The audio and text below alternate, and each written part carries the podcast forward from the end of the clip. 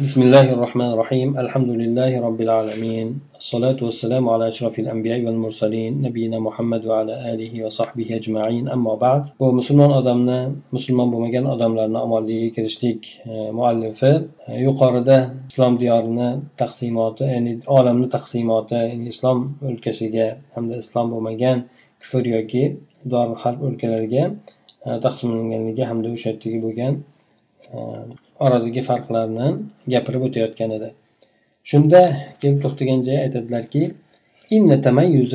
دار الإسلام بحدودها الجغرافي وكيانها السياسي وخصائصها الدينية والاجتماعية يمنح أبنائها حق الدفاع عن أراضهم أرضهم وحقوقهم ضد أي اعتداء كما يمنح شعورهم الجمعي رسوخا وقوة تعينهم على الوحدة والتعاون والتناصر فيما يحقق لهم المصالح والمنافع ويدفع عنهم المفاسد والأضرار islom diyorini o'zini geografik chegaralar bilan ajrab turishligi albatta islom olami deyiladigan bo'lsa muayyan bir katta bir mintaqa tushuniladi asosan o'sha demak uni geografik chegaralari bor siyosiy o'zini borlig'i bor diniy ijtimoiy xususiyatlari bor bir biriga o'xshamaydigan boshqa kufr diyorlarga o'xshamaydigan demak ijtimoiy diniy xususiyatlari bor. Mana shu narsalar bilan ajrab turishligi alohida bo'lib turishligi bu o'zini farzandlariga har qanday tajovuzdan huquqlariniyu yerlarini himoya qilishlik haqqini beradi. Albatta islom olami bo'lgandan keyin islom olamini inson olib o'shani huquqini himoya qilishga harakat qiladi. Muayyan bir mintaqani emas balki katta bir islom diyorini yerlarini himoya qilishlik huquqlarini himoya qilishlikka harakat qiladi.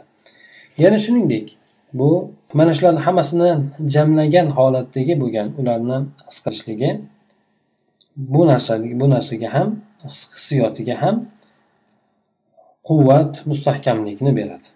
Ularni shu bir hammasi bir ekanligiga bo'lgan tuyg'usini ham kuchaytiradi bu narsa. Ya'ni islom olami deganda inson yakka bir mintaqani e'tibor qilmaydi. Masalan saudiya bo'lsin boshqasi bo'lsin bitta yakka suratda ko'rmaydi balki islom olamini yaxlit bir suratda e'tibor qilib qaraydi. Garchi davlatchalarga hozirgi paytda bo'linib ketgan bo'lsa ham. Bu esa bu quvvat mustahkamlik esa u insonlarga o'sha yerda yashayotgan insonlarga yana bir bo'lib yashashlik hamkor bo'lib o'zaro ularni manfaatlarini maslahatlarini ro'yobga chiqaradigan degan narsalarda sherik bo'lib harakat qilishlikka yordam beradi. Hamda ulardan zararlarniyu mafsada bo'lgan narsalarni daf qiladi. صفة الإسلام عن الدول التي لا تتصف بهذه الصفة هو تقرير لأساس التي الذي ينبني عليه الموقف الديني والسياسي والأخلاقي على المستوى الفردي والجماعي. فالمسلم الذي يقيم في دولة من تلك الدول إقامة مؤقتة أو دائمة يقر باختلاف الخصائص الدينية لتلك الدولة عن دار الإسلام. وبالتالي فإنه يتفهم منهج أهلها في نظامهم السياسي وسلوكهم الأخلاقي والاجتماعي ويتجنب عوامل الاصطدام معها وإن كان يراهم مخالفين لعقيدته وأخلاقه. وهذا هو الطريق الأمثل للتعايش الناجح والمثمر مع المحافظة على تميز الديني. endi buni muqobilada ba'zi davlatlardan islom sifatini nafiy qilishlik o'zi aslida islom sifati bilan sifatlanmaydigan ba'zi davlatlardan islom sifatini olib tashlashlik bu narsa asosni asosga asoslanib bo'ladi. Ya'ni bitta diniy siyosiy bo'lsin axloqiy turimlar bu narsalar hammasi shaxsiy bo'lgan jamoaviy bo'lgan darajaga darajada asoslanadigan asoslarini qarorlashtirishlik bo'ladi. Ya'ni davlatlar borki islom diyori emas bo'lgan davlatlar bor islomdan sifatlanmaydigan diyorlar bor. Mana bu diyorlar esa albatta diniy mavqif siyosiy axloqiy bo'lgan ya'ni mavqiflarni shaxsga ham jamoaga bo'lgan e, jamoaviy bo'lgan darajalariga darajalarida o'shanga asoslanadigan asoslarni qaror toptirishlik bor bu yerda. Ya'ni bu yerda islom sifatini nafiy qilishlik davlatlardan bu davlat islomiy emas bo'lgandan keyin o'shanga sifatlanmaydigandan keyin bu yerda ularni o'ziga yarasha diniy bo'lgan daraja narsalari bor. Islom bo'lmasa boshqa bir diniy nimalari bor. Bularda butparastlik bor xristianlik bor boshqa boshqa boshqa degandek. Endi musulmon odam ana o'shanday bo'lgan davlatlardan bir davlatda yashayapti. Butparastlar davlatida yashayapti xristianlar yoki dinsizlar boshqa qanaqa bo'lgan taqdirda ham boshqa davlatlarda muvaqqat yashayapti yoki doimiy suratda yashayapti. Bu bunday bo'lgan musulmon odam o'sha davlatlarni diniy xususiyatlari ya'ni islom dinidan o'zgacha bo'lgan diniy xususiyatlarga iqror bo'ladi. Ya'ni o'sha yerda butparastlarni oldida yashayotgandan keyin butparastlarni diniy e, farqli ekanligiga farqli ekanligiga iqror bo'ldi haqiqatdan e, musulmonlardan bular mana palon palon narsalari bilan bular boshqacha deydi e'tirof etadi bu narsalarni. Ana shuningdek yana hop ularni o'sha yerda yashayotgan odamlarni e, siyosiy bo'lgan nizomlari axloqiy bo'lgan yurish turishlari ijtimoiy bo'lgan yurish turishlariga ob e, dasturini manhajini tushunishlikka harakat qiladi. Ular bilan to'qnashlik omillaridan chetlanadi. Ya'ni e, masalan o'zi e'tiqod qilayotgan narsa ular e'tiqod qilayotgan narsani xilofida bo'lsa ham ularni aqidasidan axloqidan e, boshqacha bo'ladigan bo'lsa ham ular bilan to'qnash kelishlik holatlardan o'zini chetga tortadi. Mana shu narsa mana shunday qilishligi bu alohida o'zidagi diniy ajralib turishlikni saqlagan holatida samarali bo'lgan najoh beruvchi zafar beruvchi yashashlik uchun eng namunali bo'lgan yo'l deb aytiladi bu narsani. Ya'ni inson o'sha kufr diyori yoki qanday bir boshqa bir dindagi bo'lgan davlatda yashayotgan bo'lsa u demak o'sha davlatni xususiyatlarini yaxshi bilish kerak bo'ladi islomdan farqli bo'lgan narsalarni bilish kerak o'zini demak keyin ularni e, siyosiy har xil bo'lgan yurish turish axloqiy bo'lgan e, dasturlarini tushunishlikka harakat qilish kerak. Ana o'sha narsalarni keyin lekin tushungandan keyin ularni madaniyati ularni saqofati ularni dini boshqa narsalarda ular bilan to'qnash kelmaslik to'qnash kelishdan o'zini tortishligi to'qnash kelmaslikka harakat qilishligi kerak bo'ladi. Garchi odam o'ziga nisbatan ularni muxolif deb ko'rayotgan bo'lsa ham deydi. Inson ana o'shandek ular bilan to'qnash qilmasdan ularni dinlarini o'zini o'rnida bilib o'zini o'rnini ham biladigan bo'lsa bunda o'zini dinini saqlagan holatda ular bilan yaxshi muomalada yashashligi uchun bir namunaviy yo'l bo'ladi deydi. ومن هنا يتبين لنا أن تقسيم العالم إلى دار الإسلام ودار الكفر ليس بمفهوم صراع المخاضرات الذي يؤصل للأداء ويجر إلى الحرب والمواجهة بل ينطوي على أساس سليم للمحافظة على خصائص كل طرف كل طرف وعدم التدخل فيها وتجنب جعلها سببا للصراع أو موضعا للمنازعة والمغالبة. وهذا مقصد شريف سبقت الشريعة الإسلامية إليه القوانين الدولية المعاصرة التي ضمنت للشعوب حق التمتع بالحرية الدينية والمحافظة على الخصائص القومية ومنعت أي تدخل في الشؤون الداخلية للدول. mana shu yerdan bizga ravshan bo'ladiki endi islom diyori olamni islom diyori kufr diyori deb bo'lib olishlik bu hop ya'ni bir biriga adovatga olib boradigan yoki urush to'qnashuvlarga olib boradigan madaniyatlarni kurash tushunchasi emas endi bu narsa. Ya'ni islom bilan kufrga ajratishlik demak bular bilan doim urush olib borish kerak bular bilan to'qnashuv olib borish kerak degani emas endi bu narsa. Balki bu yerda har bir tomon o'zini xususiyatlarini saqlab qolishligi va o'zini boshqani ishiga aralashmasligi hamda o'sha narsalarni o'rtadagi kurash uchun bir sabablar qilib olmasligi yoki tortishuvlar talash tortishuvlar uchun bir o'rin qilib olmasligi. Mana shu narsalardan iborat bo'lgan sog'lom bir asosda ostiga kiradi. Demak madaniyatlar kurashi bu kufr islom diyori kufr diyoriga ajratishlik bu yerda har bir toifa o'zini xususiyatlari bor ekan shuni saqlab qolishlik kerak hamda bu narsalarni bir millatlar o'rtasida urushlikka sabab qilib olmaslik kerak bo'ladi.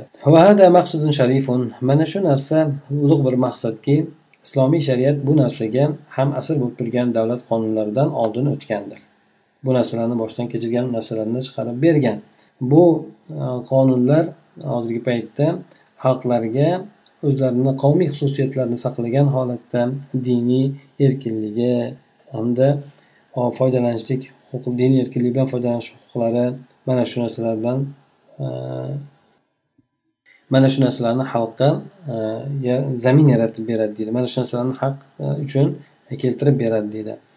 Shu demak hozirgi hamma asr bo'lib turgan davlat qonunlarida xalqlarda erkinligi diniy erkinligi bo'lsin shu narsalar bilan xohlagancha foydalansin deb turib imkoniyat ochib beradi endi aslida. Va e, davlatlarni ichki ishlarga har qanday aralashishlikdan man qiladi. إن لهذا التصور الصحيح والفهم السليم لهذه المسألة أثرا بالغا على سلوك المسلم خارج حدود دار الإسلام فإنه سيعي دائما إضافة إلى ما تقدم ذكره أن حقوقه وحريات حرياته الدينية والمدنية لابد أن تتقيد بحدود معقولة لا تتجاوز حدود حقوق وحريات الجاليات أو الأقليات mana bunaqangi to'g'ri bo'lgan tasavvur sog'lom tushuncha bu masalan sog'lom tushunchasi tushunchasi uchun e, musulmon odamni yurish turishida yetuk ta'siri bor. Bu islom diyorini islom o'lkalarini chegarasidan tashqarida musulmon odam yurish turishligiga katta ta'siri bor deydi. Demak mana shunday oldin tushunib olish kerak. Musulmon odam yashayotgan muhitini tabiatini tushunishlik kerak. Ana o'sha narsa musulmon odamga ular bilan aloqani yaxshi qilib yashashligiga imkoniyat yaratib beradi. Bu musulmon odam doimo shu narsani anglab yetadiki bu yuqorida aytib o'tilgan narsalarga qo'shimcha uni diniy bo'lgan madaniy bo'lgan haq huquqlari erkinliklari albatta bu o'sha yerda yashayotgan hamyurtlar e, erkinligi yoki aqalliyat kamchilik toifalar erkinliklari huquqlaridan o'tib ketmaydigan darajada ma'qul bir chegara bilan qaydlanishligi chorasizlar. Ya'ni albatta o'sha yerda yashayotgan musulmon yashayotgan bo'lsa o'sha yerda aqalliyat bo'lgan qavmlar bor. Ya'ni ostini tashkil qiluvchi xalqlar bor yoki bo'lmasa vatandoshlar bor. Ana o'shalarda haq huquqlardan o'tib ketmagan o'tib ketmaydigan o'sha darajasida bo'lgan ma'qul bir chegarada qaydlanishligi kerak deb aytilyapti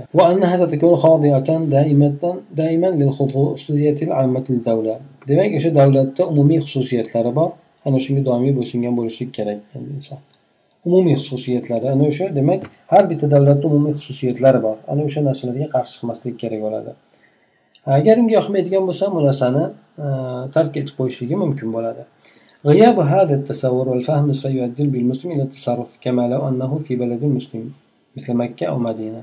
Bunaqa tasavvurda manaqa shunaqangi to'g'ri tushunchani yo'q bo'lishligi bu musulmon odamni hop xohlagandek tasda noo'rin tasarruf qilishliklariga ham olib borib qo'yadi.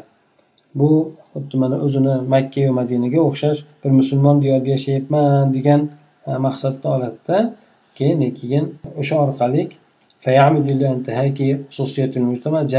xususiyatlarini parchalashlikka borib qoladi. Bu o'zi yashayotgan o'sha jamiyatni xususiyatlarini buzishlikka borib qoladi. Bu esa uni kurashga to'qnashuvlarga olib kelib qo'yadigan narsalardan. Mana shu bilan esa bunday narsalar sodir bo'ladigan bo'lsa haligi odam yashashligi qiyin bo'lib ketib qoladi. Ya'ni bir biriga o'sha yerdagi mahalliy aholi bilan bir biriga bo'lgan ishonch ehtirom asosida yashashligi qiyin bo'lib ketib qoladi. Mana shunga o'xshagan jahl shunga o'xshagan nodonlik esa ba'zi musulmonlarni masalan britaniyaga o'xshagan e, diyorlarda islom shariat hukmlarini joriy qilishlikni talab qilishlikka e, olib borib qo'ydi deydi. Ya'ni ular kufr diyorlari bo'ladigan bo'lsa u yerda bir musulmonlar judayam bir ozchilikni tashkil qiladigan bo'lsa umumiy xalqqa nisbatan ana shunday bo'lgan o'rinlarda ularni o'zlarini diniy e'tiqodlari bor yoki dunyoqarashlari bor boshqalari bor ana o'shalarga islom shariatini to'liq e, tadbiq qilaylik deb talab qilishlik bu narsalar nodonlikni ayni o'zi bo'ladi deb aytib o'tadi. Ya'ni bu ertalar islomiy davlat bo'lmaydi lekin o'zlarini ustida islom hukmini tadbiq qilishligini talab qilishligi mumkin.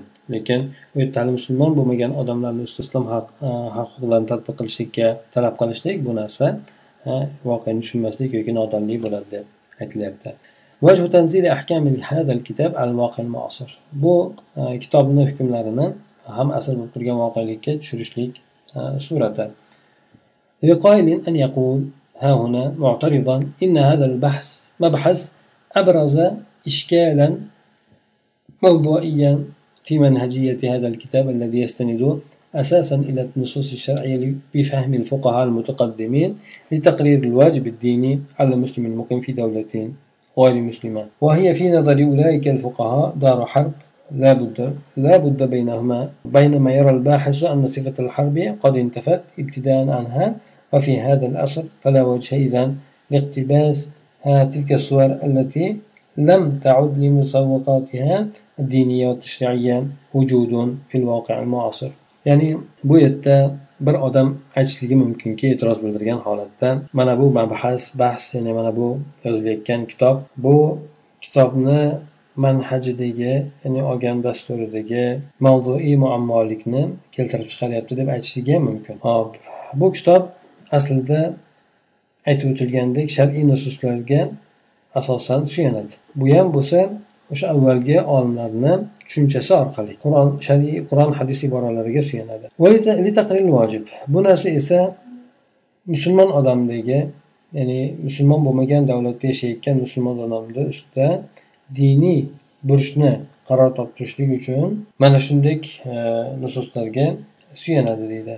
Mana bu esa mana bu narsa o'sha fuqarolarni e'tiborida dori harb bo'lgan. Aytib o'tildiki yuqorida kufr davlatini bular diyor kufr diyorini masalan e, harb urush qilishlik diyori deb e, bu narsa albatta bu sifat lozim bo'lgan. Kufr diyori e, borki albatta urush bo'ladi. Kufr diyori urush bo'lmaydigan bo'lsa kufr diyori emas degan mazmundagi gaplarni aytib o'tishgan. Shunda demak kufr diyori albatta musulmonlar bilan urushda bo'lishligi bu tabiiy bo'lgan narsa deb aytib o'tgan edi. Demak o'sha dorul harb tushunchasida mana shu bo'lgan narsa. Endi bu yerda bahs qilish izlanuvchi bo'lgan odam urush sifati bu avvalo mana bu asrda yo'qolib ketganligini ko'rgan paytida hop chorasizki bu yerda ana o'sha iboralarni avvalgi o'tgan olimlarni iboralarini e, keltirib o'tishlik. Hm, hech qanaqangi bir surati yo'q e, ya'ni mana bu ham asr bo'lib turgan voqelikda vujudi bo'lmagan ya'ni diniy bo'lgan asosiy qonunlar bo'lsin tashriiy bo'lgan asosiy qonunlarni ya'ni qur'on hadislarni mana bu o'sha aytilishligini ham asr bo'lib turgan voqeda o'zi aslida vujudi bo'lmagan bo'lmay qolganligi uchun mana bu o'shalarni gaplarni keltirib o'tishlikni hojati yo'q deb aytishadi. Shunday deb e'tiroz bildirishligi mumkin deydi ya'ni bu kishi aytib aytyaptiki bu yerda e, boshida aytgandiki men kitobimda asosan qur'on hadis iboralariga keyin mutaqaddim bo'lgan olimlarni gaplariga keltirib o'taman deb aytgan edi. Endi bu yerda e'tiroz bildirilishligi mumkin deydi modomiki siz e, qur'on hadis yoki bo'lmasa e, shu avvaldagi bo'lgan fuqarolarni fikrlarini tushunchalarini yozib o'tadigan bo'lsangiz ularni davrida urush bo'lgan edi. Dori harb edi bular. Lekin hozirgi bo'lgan paytda hamiyat dori harb emas. Dori harb demak yo'qolgan. Ana shuning uchun ayni o'shalarni davridagi bo'lgan gaplarni keltirib o'tishlikni hojati yo'q bu yerda deb e'tiroz bildirishligi mumkin deydi. Chunki e, ularni sifatlagan muhit hozirgi muhitdan farq qiladi degan mazmunda. Va javob ala hadal e'tiroz bu e'tirozga bo'lgan bu muammoga bo'lgan javob bir qancha uslubdan bo'ladi. E, Bularni e, men quyida xulosasini keltirib o'taman. Birinchidan mana bu kitobni oliy maqsadi bu. Hop haq adolat mehribonlik rostgo'ylik vafodorlik omonatdorlik ya'ni musulmonni musulmon bo'lmagan odam bilan bo'lgan muomalasidagi shu omonatdorlik vafodorlik rostgo'ylik rahmdillik adolat haq tushunchalariga bir qator ta'kid berishlik bor.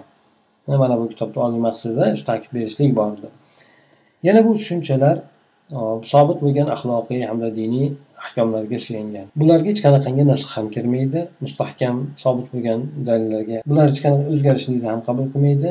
Ana shunday ekan bu nususlarni qaysi paytda aytilishligidan qat'iy nazar ularni e, e'tiborsiz qarab bo'lmaydi yoki bo'lmasa uni zoya qilishlik bo'lmaydi. Qanchalik zamon makon holat o'zgargan taqdirida ham yoki bo'lmasa fikrlar ishtihodlar har xil bo'lib ketgan taqdirida ham avvaldagi bo'lgan musulmonlarni keltirishlik ya'ni musulmonlar o'zi musulmon bo'lmaganlar bilan shunaqangi sifatlarda muomala qilganida hozirgi paytda albatta bu narsa zarur deb aytib o'tmoqchi bo'ladi. Uchinchidan E, ikkinchidan aytadiki kufr diyoridan hozirgi paytda urush sifatini yo'q bo'lib urushmaydigan bo'lib turishligi bu.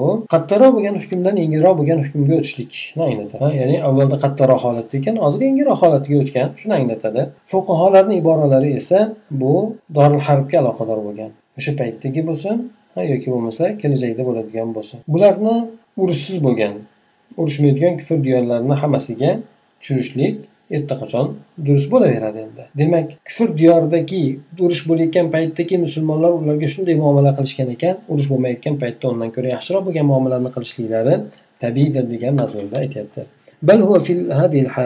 Mana bunday bo'lgan holatda ya'ni ham yengilroq bo'lgan holatda bu hadis kelgan hadislarni yoki qur'on oyatlarini yoki olimlarni gaplarini dalolati yanayam kuchliroq bo'ladi uni hukmi sobitroq bo'ladi. Qabul odamlar qabul qilishlikka loyiqroq bo'ladi. Uchinchidan esa inna fil muslimina jahl ya'ni bugungi kunda musulmonlar orasida ba'zi g'ulu ketganlar ba'zi nodonlar borki bular shunday deb da'vo qilishadi. Ya'ni davlatlar orasida bo'layotgan ittifoqlar kelishuvlar hammasi bekor. Musulmonni o'zlaridan boshqalar bilan bo'lgan aloqasidagi asl bu urushdir deb e, shunday deb davo qilishadi.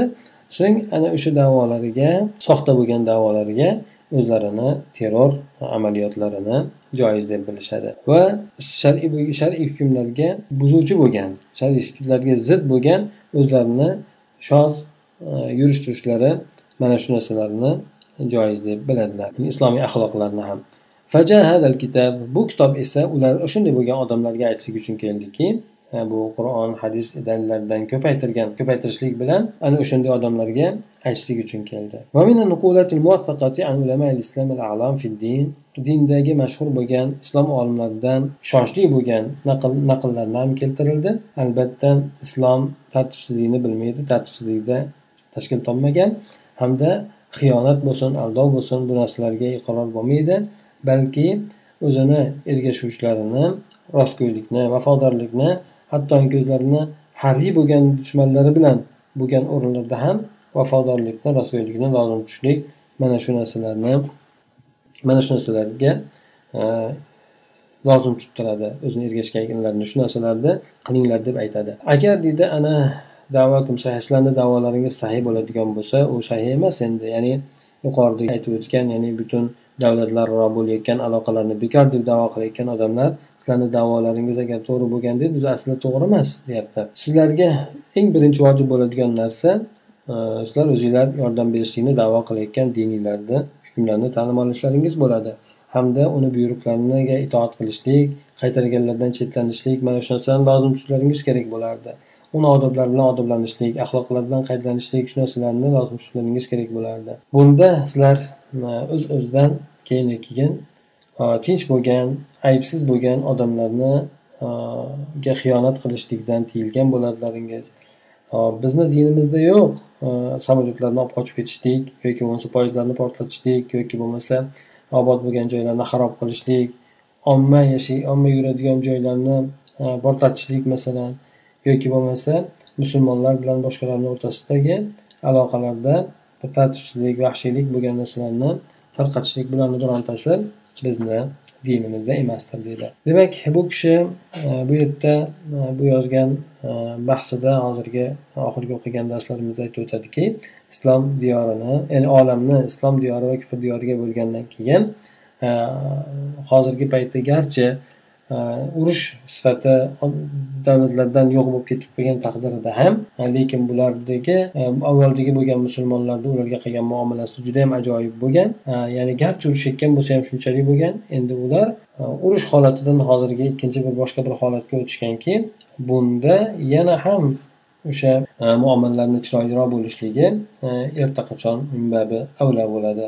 Mana shunday bo'lgan holatda dalolat ham kuchli bo'ladi hukmi ham mustahkamroq bo'ladi. Ya'ni odamlar dinni qabul qilishligiga loyiqroq bo'ladi deb aytadi. E, demak ba'zilar e, davo qiladigan e, davlatlararo bo'ladigan ittifoqlar bekor degan gaplari bu narsa to'g'ri emas chunki e, musulmonlar mana hadislarda ham keladi o'zlarini bergan shartlariga o'zini zimmasiga olgan majburiyatlariga ko'ra bo'ladi. Ya'ni bu shartlarni bekor qilmaydi o'sha albatta zimmasidagi bo'lgan va'dalarni vafo qilishligi kerak bo'ladi mana shu narsani bu kishi aytib o'tmoqchi bo'ldi bu yerda سبحانك اللهم وبحمدك نشهد أن لا إله إلا أنت نستغفرك ونتوب إليك اللهم انفعنا بما علمتنا وعلمنا ما ينفعنا وزدنا علما